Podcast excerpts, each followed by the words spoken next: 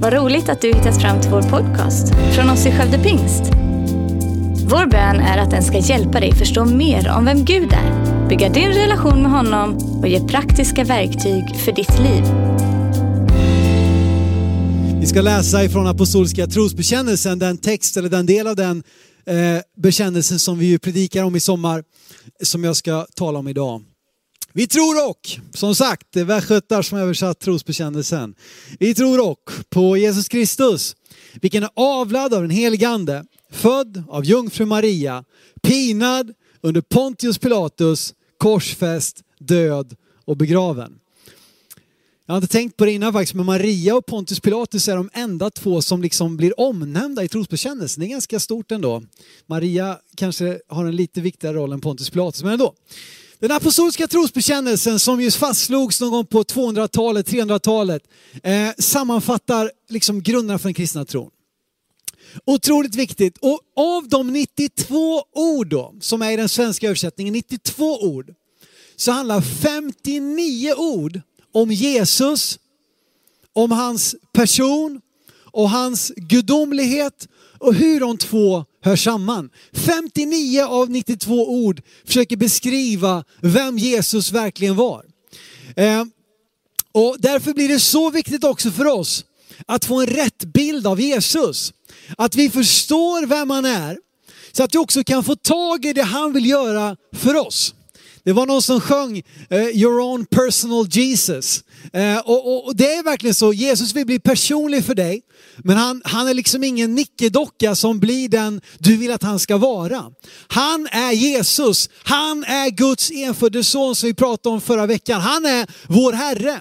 Han har en massa andra saker. Och den personen, den fantastiska personen, vill också komma in i ditt liv, tala in i din situation och ge din tillvaro en mening och sammanhang. Och därför är det så viktigt att vi bara får tag om vem han är och vad han vill göra. Och idag nu då, från födelse till död, Jesu liv. Det börjar här med två stycken meningar om hur Jesus överhuvudtaget kom hit till jorden. Att han är avlad av den helige ande, född av jungfru Maria. Vi ska läsa om det i Matteus kapitel 1. Där ju Matteus har med just de här detaljerna i sitt, eh, sin version av julevangeliet. Ifrån vers 18 och 19. Så det är så här att med Jesu Kristi födelse gick det till så. Hans mor Maria var trolovad med Josef, men innan de hade varit tillsammans, och nu pratar vi alltså innan de har haft sex, för den som undrar. Liksom. Det, är det, det är det det betyder. De har spenderat tid tillsammans men de har inte haft sexuell gemenskap. Visade sig att hon var havande genom den heliga ande. Hennes man Josef var rättfärdig och ville inte dra skam över henne. Och därför beslöt han att skilja sig från henne i hemlighet. En trolovad jungfru blir gravid, inte genom någon annan man utan genom den helige ande. Varför är det viktigt att Jesus föds av en jungfru genom den helige ande? Jo, en av de sakerna man kan lyfta fram det är att det bekräftar hans gudomliga ursprung. Han är av Gud. Han är Guds enfödde son. Ehm, och det är viktigt att poängtera här, det är inte här Jesus blir till. Jesus blir inte till genom jungfru Maria. Han är till från evighet till evighet. Han är Guds enfödde son redan från begynnelsen. Jesus Kristus är född, inte skapad. Han är av Gud själv, han kommer ur Fadern och är Gud. Kanske lite krångligt här, men man kan få en bild av att okej, okay, det är här Jesus blir Guds son. Nej, han har alltid varit Guds son, men här föds han, här blir Gud människa genom jungfru Maria. Mänskligheten behövde också en ny start. Därför att ända sedan den första Adam, alltså Adam och Eva som vi läser om i första kapitlen i Bibeln, så faller de. De begår, en, en, en, de begår synd, de går sin egen väg. Och för all framtid så är mänskligheten under syndens förbannelse, genom de här valen som Adam och Eva tog, så kom hela mänskligheten under förbannelse. Och vi är i behov av en frälsare. Eh, Medan då det kommer från generation till generation till generation eh, en, en synd som vi bär med oss, ett, ett, en skuld som vi bär med oss som mänsklighet. som kommer liksom igenom hela mänskligheten så behöver vi här en ny början. Vi behöver ett ny, en ny start, vi behöver en frälsare som inte är under lagens förbannelse. Som inte är eh, liksom bärare utav det här, det här synden som har trängts in i världen. Så när Jesus då föds genom jungfru Maria så påbörjas ett nytt släktled. Det påbörjas en ny generation som inte är befläckad, som inte är bärare av synd utan som tvärtom, där han lever ett fullkomligt fläckfritt liv och påbörjar en ny, ett nytt släktled. Och på samma sätt som hela mänskligheten genom Adam och Eva kom under synd, så kan hela mänskligheten genom tron på Jesus Kristus komma ut ur synden, bli friköpta ur syndens slaveri en gång för alla. I första Korinthierbrevet 15 så tar Paulus just den här bilden. Han talar om den första Adam, alltså Adam och Eva. Och han kallar Jesus för den sista Adam. Eh, och, och, vi ska läsa en vers därifrån alldeles strax, men jag vill bara komma, komma tillbaka till det att eh, just att, att Paulus jämför, det var något som kom med den första Adam och någonting annat kom genom den sista Adam, genom Jesus Kristus. Det finns naturligtvis invändningar mot jungfrufödelsen. Och I den här sommarteman så har jag utmanat mig själv att försöka ha lite inslag av apologetik, utav försvar av den kristna tron. Man kan sammanfatta det i Rabbi Zacharias, en riktig gigant som alldeles nyligen dog, som har, har hjälpt tänkare de sista 30-40 åren på ett sätt som få andra. Han säger så här att apologetik handlar om att hjälpa troende människor att tänka, och tänkande människor att tro. Jag tycker det är en ganska bra sammanfattning. En del troende behöver faktiskt börja tänka lite grann och en del tänkare behöver komma in och våga tro. Och det är vad det handlar om. Invändningar mot, mot jungfrufödseln, naturligtvis kommer det det, men vadå, det är omöjligt. Det, det går inte. Det, det behövs en man och en kvinna för att ett barn ska bli till. Någon kan ha en etisk invändning. Det, det verkar nästan som att Gud begår äktenskapsbrott med en trolovad jungfru. Och såklart har vi biologiska invändningar, för hur kan det ske? Det, det går inte, det, det, har aldrig skett förut, det har aldrig skett därefter. Så, så jag menar, det, det är omöjligt. Eh, och det kan vara värt att påminna sig om att det var så Josef såg det här från början också. Eh, Josef trodde naturligtvis inte på Maria, står det hon säger, nej men det, det, det är den helige ande som har gjort mig havande. Yeah right. Du, alltså dra den liksom om, om Rödluvan också ungefär va. Så han tror ju att det är självklart så att, att det här, visst det, det, var kanske inte meningen, det kanske skedde, jag vet inte alls, hon kanske blir kär någon annan. Men han vill ju då lite så här smyga sig ur den här trolovningen och vara lite schysst mot Maria. Men ängeln kommer och säger till honom, nej det är så som Maria säger. Och Josef då tror på ängeln och förstår, okej okay, det här är Gud som har verkat. Och jag tänker att den här bilden av att ah, Gud liksom nästan begår äktenskapsbrott, det, det, har för det första, det är, ingenting, liksom, det, är inga, det är inga sexuella inslag eller inspel i den liksom, befruktningen av den helige ande, utan eh, Tvärtom skulle jag säga att det är ju Guds omsorg att just Maria var trolovad när hon blir gravid eh, genom den helige ande och inte ensamstående. För då har hon ju fått leva upp eller växa upp med liksom uppfostra ett eget barn med all den skam och all den stigma som det innebar på den här tiden. Så det faktum att Gud faktiskt låter en trolovad jungfru bli med, eh, få bära Jesus är ju en omsorg. Att där finns en familj, där finns en man, de kan tillsammans uppfostra Jesus. Båda de här två invändningarna, både det, liksom det, det etiska och det biologiska, besvaras av C.S. Lewis. Då. Vi, jag återkommer, jag använder lite av de här giganterna som, som, som har tänkt på de här sakerna och formulerat det på ett fantastiskt sätt. Och C.S. Lewis får väl ses som en av 1900-talets främsta kristna tänkare. Han bara lyfter fram livet som mirakel, eller livets mirakel som, som liksom beviset, eller vad ska man säga, eh, tron på jungfrufödelsen. Han menar att nytt liv i all form och i varje människa och djur endast kan ske genom ett Guds ingripande och skapande kraft. För visst, vi vet då att rent biologiskt det krävs en spermie och det krävs ett ägg och det, det är två, it takes two to tango. Och sen så då befruktas det här och det, de här två små beståndsdelarna bär på allting som behövs för en människa att bli till. Ja, vi, vi vet inte rent biologiskt, men hur sker det?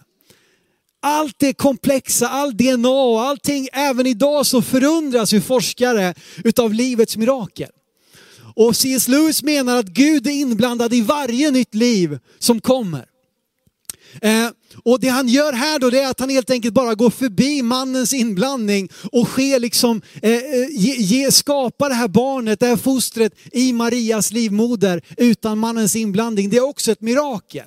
Men varje liv är ett mirakel och därför borde det inte vara så svårt kanske att omfamna att det här också skulle kunna vara ett mirakel. Där blir Gud själv människa för att betala priset för synden. Eh, som bara kunde betalas genom en felfri, eh, en människa utan skuld, utan synd. Och så läser vi då första Korinthierbrevet 15 och 22. Liksom alla dör i Adam, säger Paulus, så ska också alla göras levande i Kristus. All den död, all den synd, all den förbannelse som kom av den första Adam. Alla ska nu få en chans till ett nytt liv, ett nytt släktskap, en ny generationsled som ska gå från generation till generation i tron på Jesus, friköpta från syndens förbannelse från nu och till evig tid. Därför behövde Jesus födas av en jungfru. Och om vi nu ska tro på att Gud har skapat himmel och jord, om vi nu ska tro på att Jesus uppstod från graven på den tredje dagen, så tror jag också att vi ska kunna tro och omfamna att jungfrun Maria blev havande genom den helige ande. Och då kommer allting tillbaka, men kan vi lita på evangeliernas berättelse? Visst, det står så i Bibeln, det säger ni hela tiden. Det står i Bibeln, det står skrivet Matteus dit och Johannes hit och Markus dit. Kan vi lita på evangeliernas berättelse?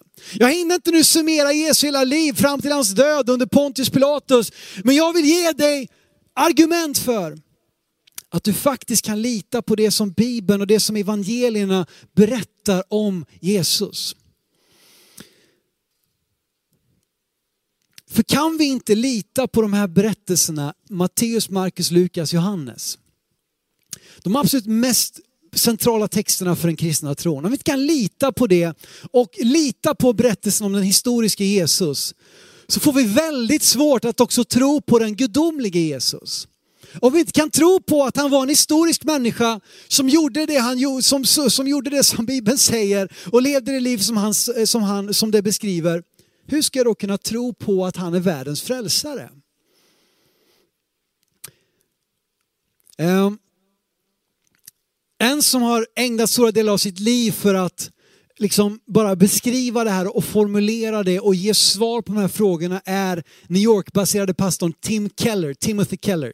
Någon har kallat honom för 2000-talets C.S. Lewis och det kan vi säga tillräckligt som introduktion. Han konstaterar att det har funnits gott om bibelkritiker de sista, vad vet jag, hundra åren som slagit fast att visst, även om Jesus var en historisk person så är så gott som hela evangelierna fabricerade. Hela evangelierna de är skrivna för att få lärjungarna och Jesus att se, liksom framstå i, eh, eh, god, eh, i, framstå i god dager. De är skrivna för att, för att få Jesus att verka gudomlig att efter Jesu död så var det en strid mellan olika falanger utav lärjungar och den falangen vann som ville då framhäva Jesus som Gud. Trots att han själv aldrig sa det då enligt de här kritikerna. Och att kristendomen användes som ett slagträ av kejsar Konstantin som med sin makt då gjorde hela romarriket kristet på 300-talet. Och Det här kanske är en bild som vi som svenskar, sekulariserade svenskar har lätt att ta till oss. Ja men det är klart det är så. Det låter ju, det låter ju helt i linje med vårt moderna pragmatiska tänkande. Men grejen är att stödet vetenskapligt för den här bibelsynen har sakta men säkert urholkats de senaste 30 åren. Och även om den aktivt förs fram genom populärmedia såsom Da Vinci-koden som är skriven av Dan Brown och blev en, en best-selling både bok och film med Tom Hanks i huvudrollen. Eh, visserligen en bra spännande roman, en bra spännande film, eh, men som då för fram hela den här synen på Jesus som, som att det, det, det är liksom påhittat, att han skulle haft en relation med Maria, att, att de fick barn och att liksom allt det här den här eh, liksom, bibelkritiken som, som fram, får hela bibeln att framstå som en saga eller påhittat, uppdiktat. Eh, och även om Da Vinci-koden är en roman så har den ofta framställts på ett sätt som att den bygger på fakta. Men få saker kunde vara mer fel. En ateistisk eller tidigare ateistisk tänkare författare som heter Anne Rice. Eh, hon var ateist under 30 år och vände sig bort ifrån katolicismen som hon växte upp i, bort ifrån den kristna tron. Och sen började hon liksom granska då alla de här kritikerna för att de, de bekräftade hennes bild av Gud, av Bibeln. Hon började eh, liksom eh, studera de här argumenten som forskarna la fram och hon säger så här. Hela den här bilden som var gängse i de liberala kretsar jag umgicks i under mina 30 år som ateist, bevisen för den bilden höll inte. Inte nog med att de inte höll, på det här området upptäckte jag något av det mest undermåliga och vinklade forskning jag någonsin stött på. Det säger Anne Rice när hon började granska de här och hon kom senare tillbaka till sin barndomstro när hon insåg att, att det har liksom stöd rent vetenskapligt eh, och, och, och när man granskar de olika argumenten. Grejen är, jag ska ge dig tre stycken argument för varför du kan lita på evangeliets berättelse. Nummer ett, de är skrivna typ eh, evangelierna är skrivna på sin höjd 40 60 år efter att Jesus levde eller händelserna ägde rum. Paulus brev är skrivna ungefär 15 25 år efter Jesu död. Och det här används ibland då som, ett, som ett bevis för att undergräva trovärdigheten. Det är ju för lång tid. Liksom. Men grejen är att det är för kort tid för mytbildning. 15, 20, 30, rent av 40 år är för kort tid för att bilda en myt. Hur kan du säga det? Jo, för att de som eh, var med när det hände, de levde ju fortfarande när evangelierna skrevs. När Paulus skrev sina brev, när evangeliernas böcker skrevs, så levde ju fortfarande de som hade upplevt det. Om inte storyn hade stämt hade de ju redan tidigt sagt ifrån. Det var ju människor som blev frälsta kanske i sin ungdom eller tidigare i sina liv och sen var trogna Jesus hela sina liv. Kanske levde som var 70, 80, 90 år. Och minns det här. Det är för kort tid för eh, mytbildning. Fråga min morfar. Han är, jag, jag, det är pinsamt, jag vet inte exakt hur gammal han är, runt 90, 90-ish.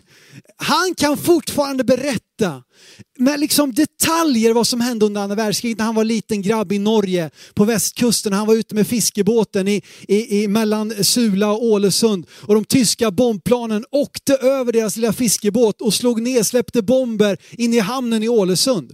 Han minns det med detaljskärpa, trots att det hände för över 70 år sedan. Fråga dina föräldrar om vad de gjorde den kvällen som eh, Olof Palme blev skjuten.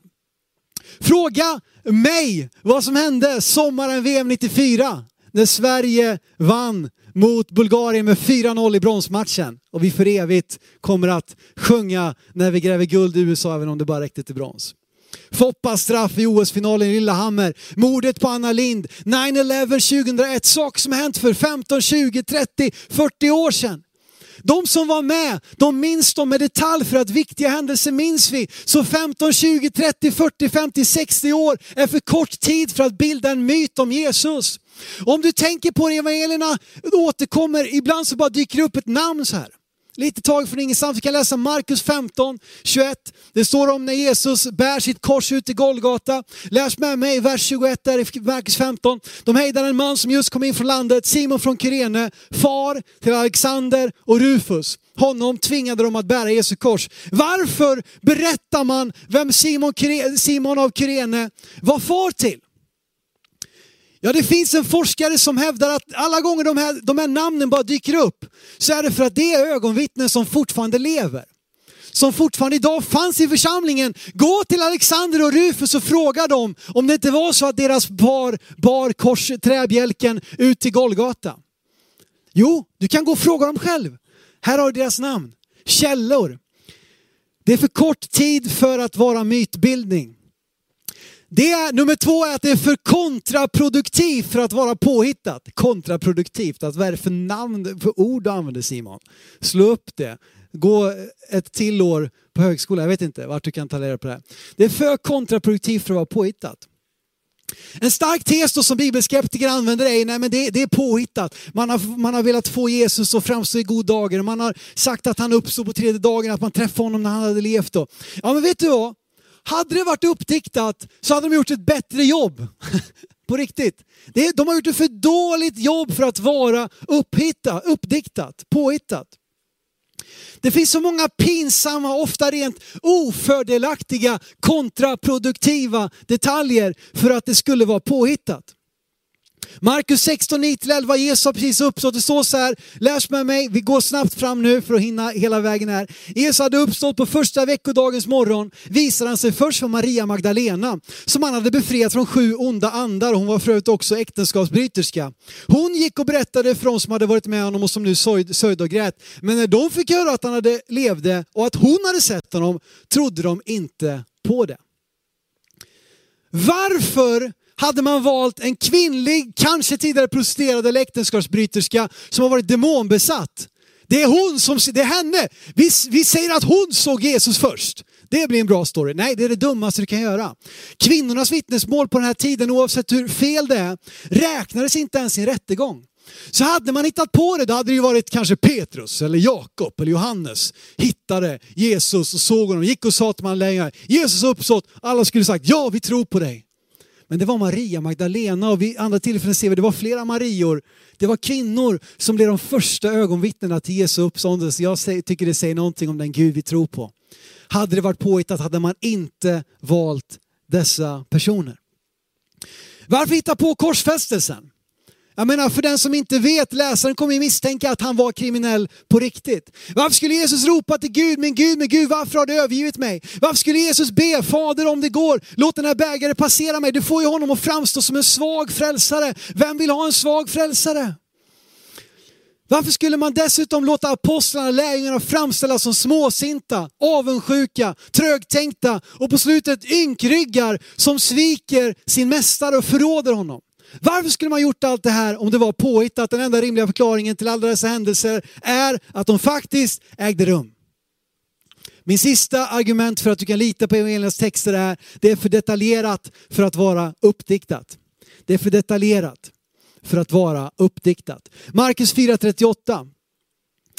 Det står så här, de är ute på Genesarets sjö och vi hoppar rakt in i storyn, det är storm runt omkring dem och så står det så här ifrån vers 38. Själv låg han, alltså Jesus, i akten på en dyna och sov.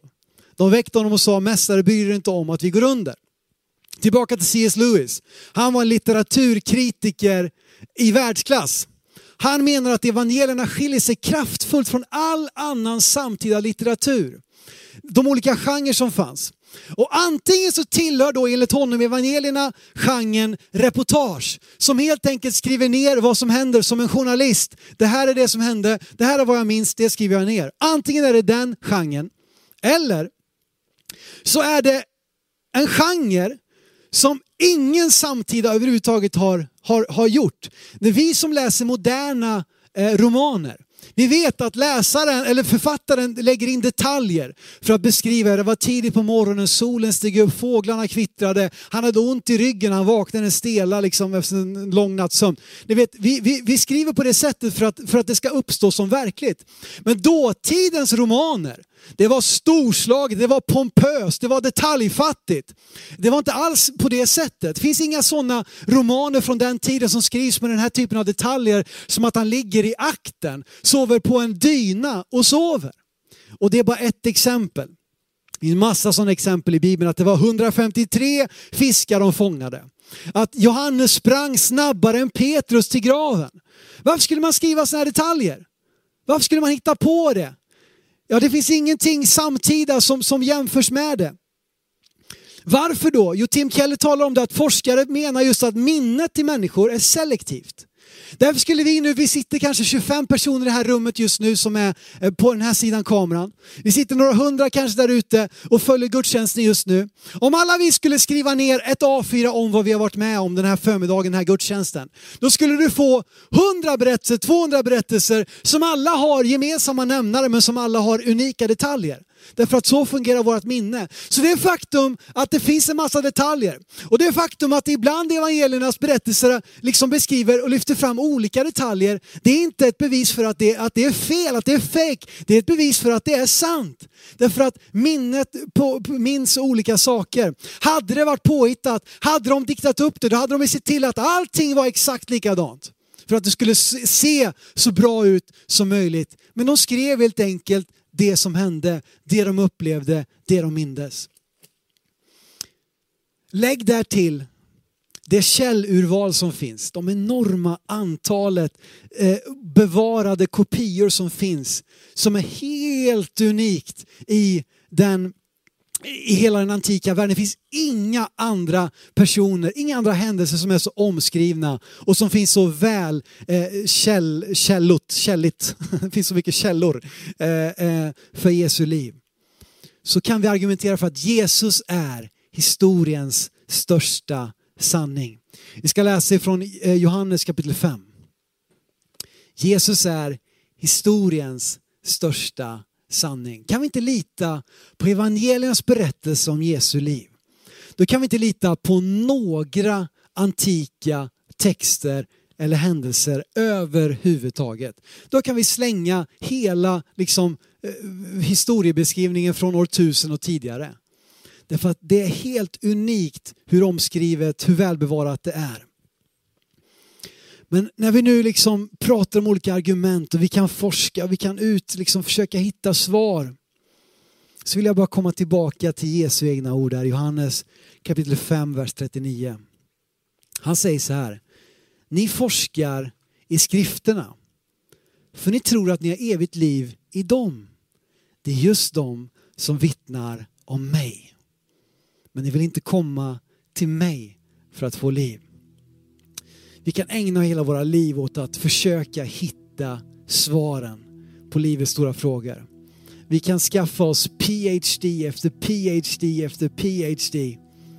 Gå igenom hela livet som lärjungar. Jag, jag uppmuntrar dig till det. Ha ett lärjunga, eh, liksom, eh, mentalitet att lära sig. Men vet du vad? Det finns inte evigt liv i en enda doktorsavhandling. Det finns inte evigt liv i ett enda liksom reality show. Det finns inte evigt liv i en enda sport. Även om jag gärna hade sagt andra, nej det hade jag inte gjort. Vi kan söka genom hela livet efter någonting. Efter någonting som ger svar, efter någonting som ger mening. Men inget av det kan ge evigt liv. Jesus säger, kom till mig. Kom till mig. Jag är vägen, sanningen och livet.